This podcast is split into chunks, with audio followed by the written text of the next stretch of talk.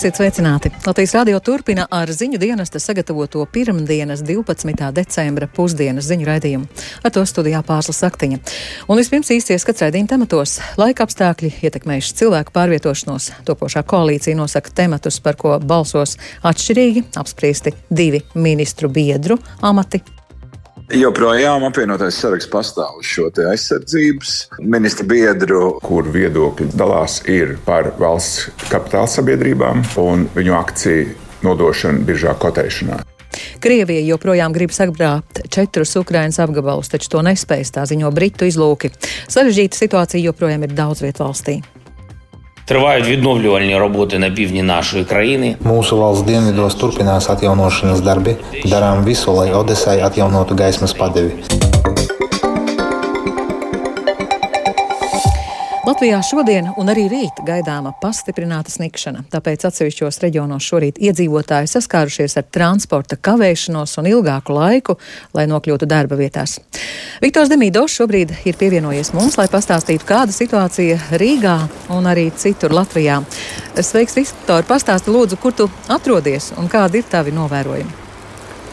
Jā, sveika pārslas, sveicināti Latvijas radio klausītāji. Es šobrīd atrodos eksporta un Kronvalda ielā, un šeit pirms kāda laika ir noticis ceļu satiksmes negadījums. Kravas mašīnai ir uh, izkritusi krava, kas gan tagad šķiet esot savākta, bet, bet grūti pateikt. Uh, daudz darbinieku joprojām ir krustojumā, arī valsts uh, policijas ekipāža ir ieradusies notikuma vietā. Avārijas dienas Rīgas satiksmes uh, arī ir ieradies palīdzēt savākt kravu.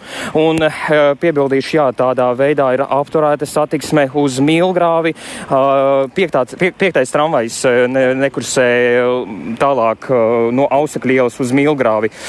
Tātad, Jā, un fonā ir dzirdami arī, kā uh, darbinieki uh, sauc viens otram uh, tur parautais virvis vai kā tur otrādi, kā, kā citādi. Bet tagad, uh, jā, vārds sakot, grūti noraksturot pat citādāk situāciju. Jā, lūdzu.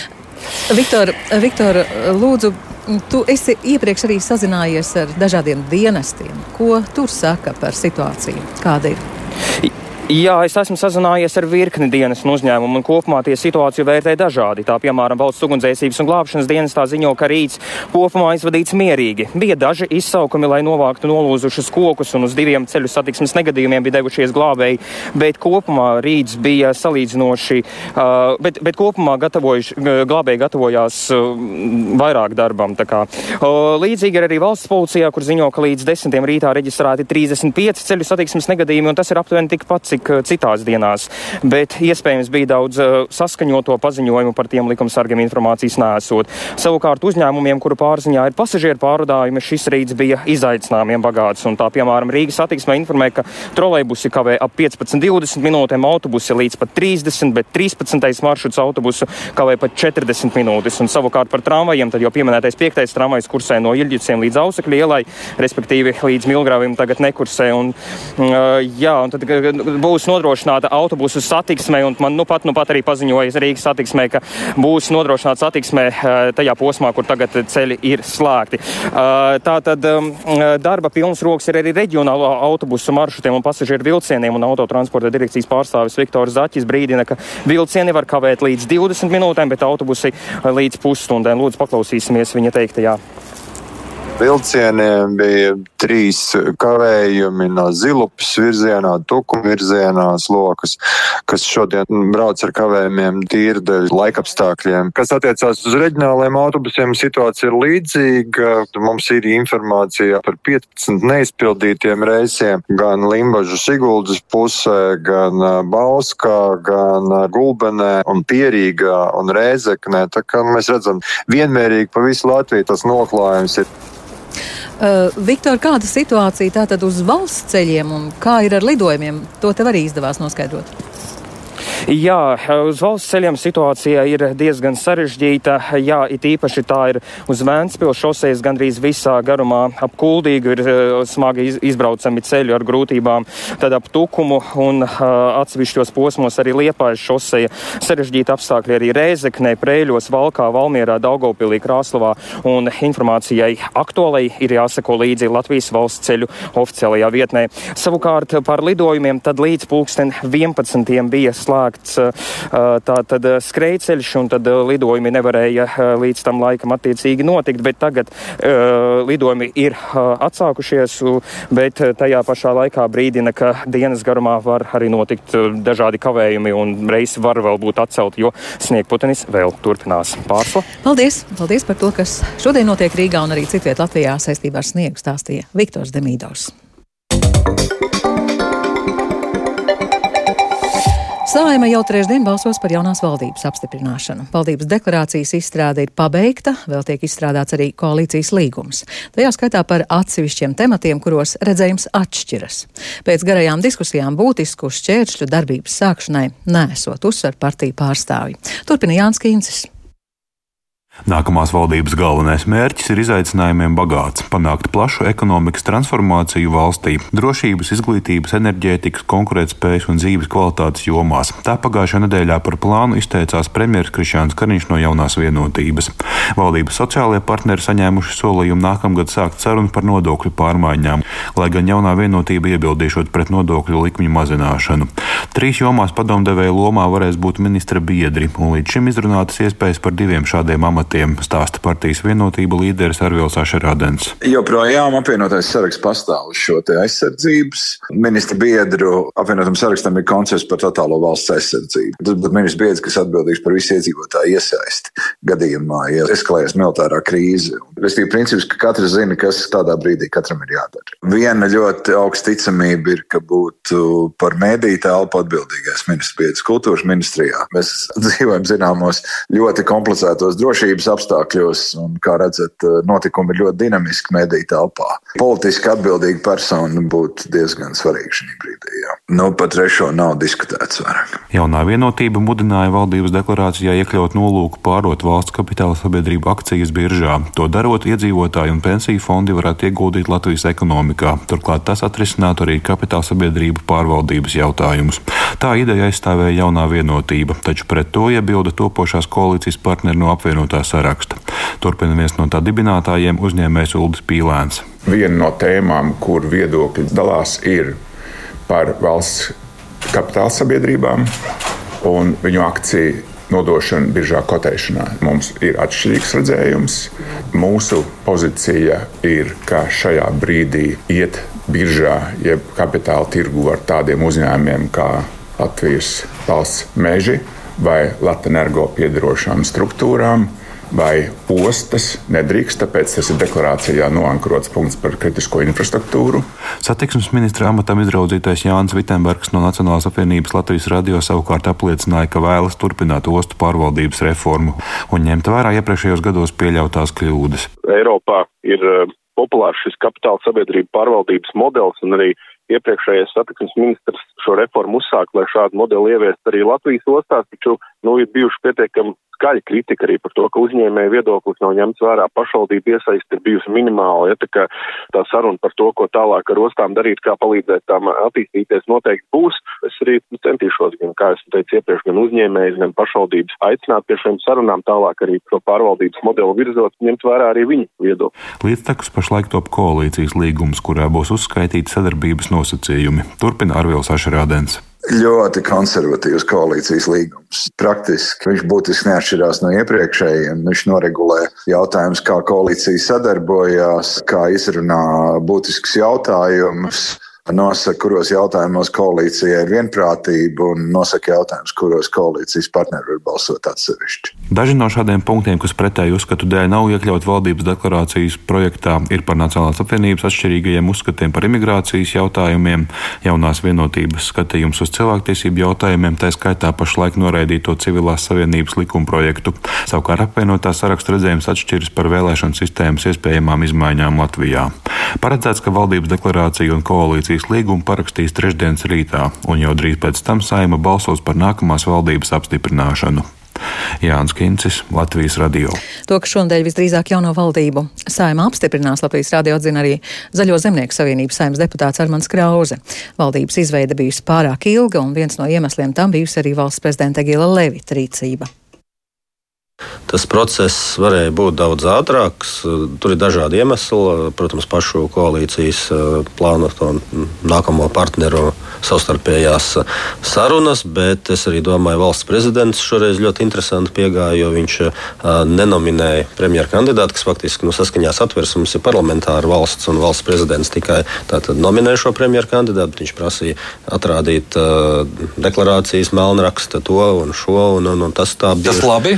Šo šoreiz, eh, nu, es teiktu, ka ņemot vērā, ka mums ir parlamentāra valsts, tas bija lieki. Ja, tas arī kavēja šo procesu. Jo īstenībā Kariņkungam jau nebija tāds pilnvars dots, viņam bija neoficiāls pilnvars. Nu, tā kā prezidents teica, dari, bet eh, nominējis viņš viņu nebija. Viņš ar pilnu jaudu tajā brīdī strādāt faktiski nevarēja. Man liekas, ka tas ne, nu, tiešām nebija labi šajā brīdī.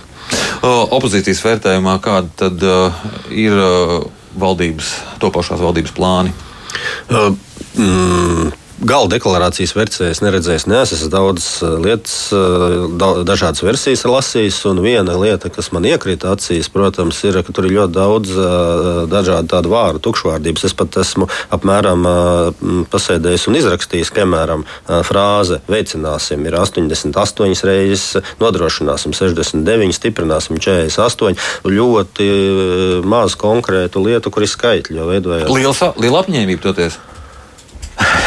nu, ja skaitļi būtu būt lielāka apņēmība, ja ir skaitlis konkrēts norādīts, ka mēs sasniegsim tik un tik, ja mazināsim mēnu ekonomiku tik un tik, protams, ka to var nesasniegt, un tā ir atbildība jau lielāka. Ja, ja uzrakst šīs frāzes, tad ir mazāk. Otrakārt, es atgādināšu, ka viņi nu, pozicionē sev kā krīzes valdību. Un uh, Damrovska valdība kādreiz, kas arī bija vienotības valdība 2009. gadā, viņi arī bija krīzes valdība. Viņiem deklarācija bija uz, uh, ja nemaldos, 18 lapām. Uh, šī te ir uh, pārpa 50, starp 50 un 60. Ja. Tur ir daudzas lietas iekšā, kas man liekas um, nu, tādas varbūt tiešām dīvainas. Nu, piemēram, uh, viņi plāno veikt plašas reformas uh, ANO drošības padomē. Nu, vai veicināsim, vai atbalstīsim. Nu, kādas ir Latvijas iespējas uh, ķerties pie šīm reformām? Diezgan mazas. Vēl viena, kas ir vēlētājiem, man liekas, jāņem vērā un jāseko rīdz, vai gara, gala versijā būs tā frāze par privatizāciju. Nu, viņi tā nesaucās privatizācija. Viņi tātad ir ir noslēpta kā valsts uzņēmuma kotēšana biržā līdz 20%. Es sapratu, ka tur nu, daži partneri iebilst, vienotība tā kā ļoti cenšas, lai tas ir ar argumentu, ka tas uzlabos uzņēmumu pārvaldību un, un, un viņi būs daļai privāti ka varēs ieguldīt pensiju fondus Latvijas uzņēmumos. Es domāju, ka tas ir pilnīgi lieki, jo tas tiešām ir milzīgs risks. Un savā ziņā var saprast, ka valdība plāno to, ka nākotnē būs ļoti liels problēmas ar naudu. Tā Armāns Krause no Zaļo zemnieku savienības viņa stāvjāja Lauris Zvēnieks. Krievija joprojām grib sagrābt četrus Ukrainas apgabalus, taču to nespējas tā ziņo Britu izlūki. Ukrainas armijas virzība atbrīvojot apdzīvotas vietas ir palēninājusies, taču Ukraiņu iespējas uzbrukumiem parādīsies līdz ar zemes sasalšanu. Tikmēr Ukrainas prezidents pirms G7 samita sazinājies ar ASV, Francijas un Turcijas līderiem, un par visu plašāk stāsta Rihards Plūme. Ukrainas prezidents Valdemirs Zelenskis svētdien sarunā ar ASV prezidentu Džo Baidenu runāja par Ukrainas nepieciešamību pēc efektīvām pretgaisa aizsardzības sistēmām iedzīvotāju aizsardzībai. Baidens apliecinājis, ka Vašingtona centienus uzlabot Ukrainas pretgaisa aizsardzību uzskata par prioritāti. Zelenskis pateicies Baidenam par ASV sniegto aizsardzības un finansiālo palīdzību Ukrainai, kas ne tikai veicina panākumus kaujas laukā, bet arī saglabā Ukrainas ekonomikas stabilitāti. Savukārt ar Francijas prezidentu Emanuelu Makronu Zelenskim bijusi ļoti saturīga saruna par aizsardzību, enerģētiku, ekonomiku un diplomātiju, kas ilgusi vairāk nekā stundu.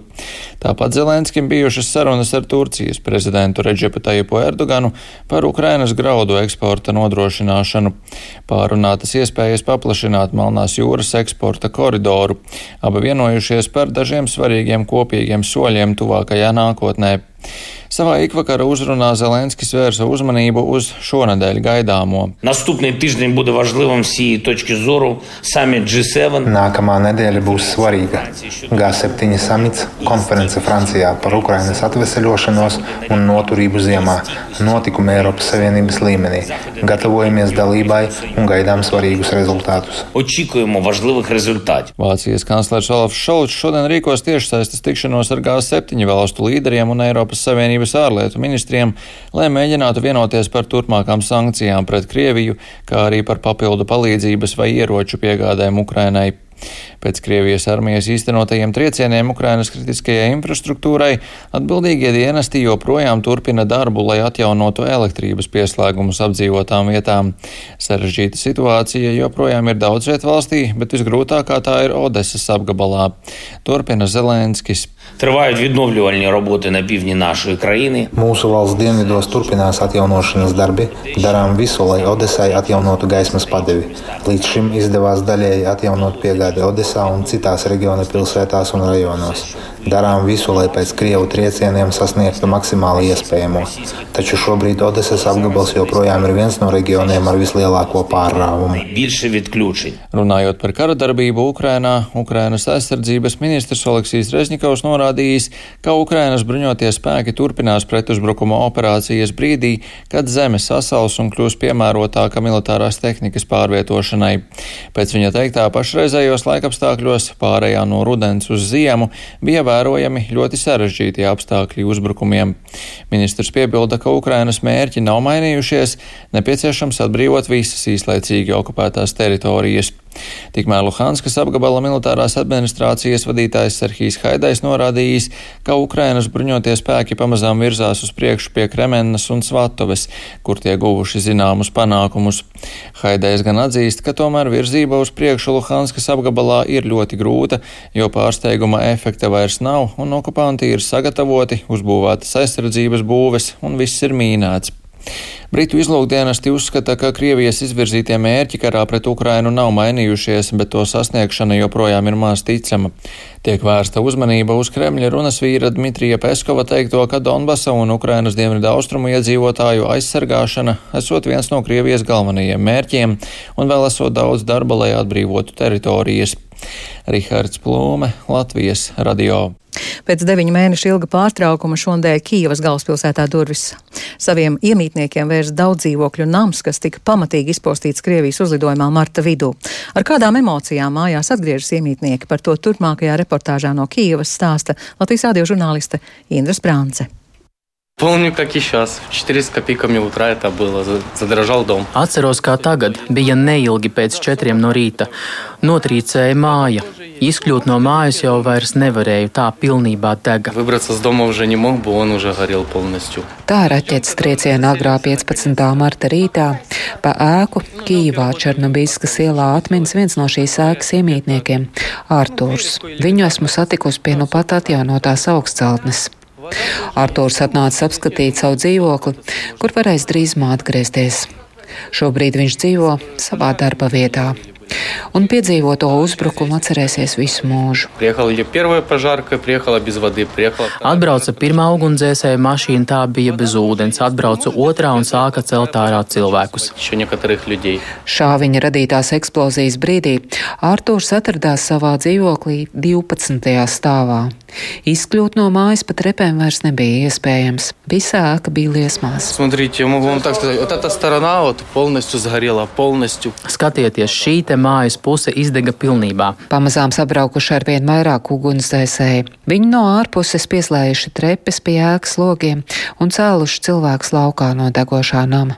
Šādā veidā izcēluši gan Artūru, gan arī viņa suni. Taču visus izglābt neizdevās. Ну, официально, как говорили, один-два человека, на самом деле было намного больше. Oficiāli teica, ka bojā gāja viens vai divi cilvēki, bet patiesībā bija daudz vairāk. Kad mani izveda no mājas, jau tobrīd te trīs līķi gulēja pie mājas. Tie, kas gulēja, neskaitot meiteni, kas nosmaka trešajā stāvā. Kā prātam neaptveram murgu šo 15. marta rītu atceras arī pensionāra Ņīna, kuru sastop turpat atjaunotajā namā. Krievijas raidītās raķetes eksplozijas brīdī atradās savā dzīvoklī ēkas sestajā stāvā. Atkrivāju glazā, smatru, ja nakrita etim aknom. Atvēru acis, skatos un redzu, ka mani sedz lokus. Priekšā man ir caurums sienā, kur bija lokus, un es guļu zem loga, bet visapkārt man viss deg.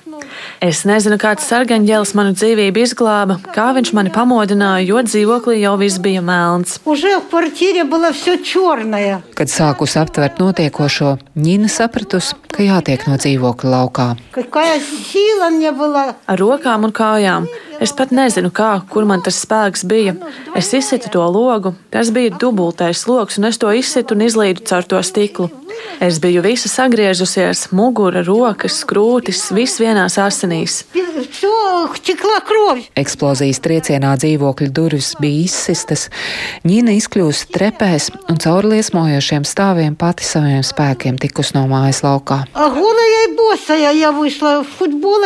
Plika un basām kājām es izgāju, un visa asinīs. Kad izgāju uz ielas, mani ātrā palīdzība gribēja savākt, bet es atteicos braukt. Devos uz blakus māju, man tur draudzene dzīvo. Pazīstami cilvēki Ņīnu apģērbuši un nopirkuši viņai biļeti līdz Ļuvijai, kur viņu uzņēmuši tuvinieki. Taču šīs mājas iemītniekiem paveicās. Viņu namu pašvaldība nolēma atjaunot. Pārbaudot ēkas tehnisko stāvokli, konstatēts, ka nesošās konstrukcijas nav bojātas un visu iespējams atjaunot. Tas arī šajos deviņos mēnešos izdarīts. Kad ierodos apskatīt namu, te vēl gaisā virmo krāsu un laku smarža, un norit pēdējie darbi, līdz dzīvokļi tiks atgriezti to saimniekiem. Конечно, рада, Господи. Слава Богу, хоть нам помогли, восстановились. Protams, ka es ļoti priecājos. Paldies Dievam, ka mums palīdzēja un visu šo atjaunoja. Prieks par mājas atjaunošanu ir arī Artūram un citiem šīs augstceltnes iemītniekiem. Tomēr uz kopējo Krievijas iebrukumā nodarīto postījumu fona šis atjaunotais nams ir sīks piliens jūrā salīdzinot ar to, kas vēl darāms. Un šo darbu nebūs iespējams paveikt bez starptautiskās sabiedrības atbalsta. Indra Sprānce, Latvijas Rādio Kīvā. Slēgtajā Skrudelienas skolas ēkā iekārtots dienas centrs cilvēkiem ar garīga rakstura traucējumiem. Kā darbojas centrs, kas ir tā klienti un kā viņi novērtē jaunās iespējas, par to plašāk Silvijas Magares veidotajā ierakstā. Skolu pēc tam, kad viņas nebija, mēs vienkārši neaizvērām. Šī ir unikāla ēka, tāda monumentāla būve. Neticība, vai būs novadā klienta garīgās attīstības traucējumiem, kam šāds centrs būtu nepieciešams, par ko atklāšanā runā novada domas vadītājs Arvīts Kucins, tiešām sākotnē bijusi. Neslēpj augšdaļgavas novada sociāldienesta vadītāja Anna Jagārva. Tā sabiedrības stereotips, ka šī mērķa grupa it kā varētu tā kā traucēt sabiedrībai, mums ir jālauž. Un šodien es varu teikt ar atbildību, ka mums tas ir izdevies. Šeit klienti būs no mājām. Tie klienti, kas īstenībā ir bijuši četrās sienās. Bet tagad, ja jūs redzētu viņu acis, ka viņi darbojās pie galda līmē, griež, nu, pavisam citi cilvēki. Viņi atdzīvojās. Visu, ko daru, patīk. Nodarboties ar rokdarbiem, ar visu, ko. Anna ir no Svētas pagasta. Ikdienu viņa vada savā mājā, izolācija no citiem cilvēkiem. Viena pati tieku galā. Es viena, tā mamma mira, tante vēl dzīvo, tā viņa arī jau gados. Kačīšu un sunītis tikai viens. Jā. Tik palīdzu ūdeni sev atnest un tantei palīdzu arī mammas māsai. Dmitris Kapusta man sauc. Es no Svētas pagas. Oi, man iepatikās šeit. Man gribās vēl braukt, braukt šejieni. Ar cilvēkiem vairāk sadraudzēties un parunāties. Arī Dmitrijs līdz šim savu dzīvi vadījis mājās, piepalīdzot ģimenēm saimniecībā. Iespēja, ko darīt šajā dienas centrā un kā attīstīties šiem cilvēkiem, ir daudz. Par to parūpējas centra darbinieki stāsta šī centra vadītāja Jūlija Žugare. Rokdarbi, nodarbības krāsošana, zīmēšana, filcēšana, šūšana, mums ir šūnu mašīna. Šeit arī klienti atpušas, ja viņi skatās televizoru. Mēs viņam skaidrojam arī tādas praktiskas lietas, kā saplānot budžetu, kā apģērbties atbilstoši laika apstākļiem, par sabiedrības uzvedības normām. Vienā dienā centrā iespējams uzņemt līdz 15 klientiem. Līdz ar šī dienas centra izveidi arī bijusies Krudelienas skolas ēka kļuva apdzīvota. Taču skolas telpas ir plašas un gaida jaunas idejas, kā tās apsaimniekot un pielāgot sabiedrības vajadzībām. Silvijas Magara Latvijas radio studijā Latgalē. Ar to izskan pusdienas ziņu raidījums. Producents Viktors Pupiks ierakstus montēja Renāša Steimanis par labskaņu rūpējās Rīta Karneča, ar jums runāja pārslas saktiņa. Vēl īsi par svarīgāko. Laika apstākļi ietekmējuši cilvēku pārvietošanos. Topošā koalīcija nosaka tematus, par ko balsos atšķirīgi. Apspriesti divi ministru biedru amati. Krievija joprojām grib sagrābt četrus Ukrainas apgabalus, taču to nespēs, ziņo Britu izlūki. Yeah.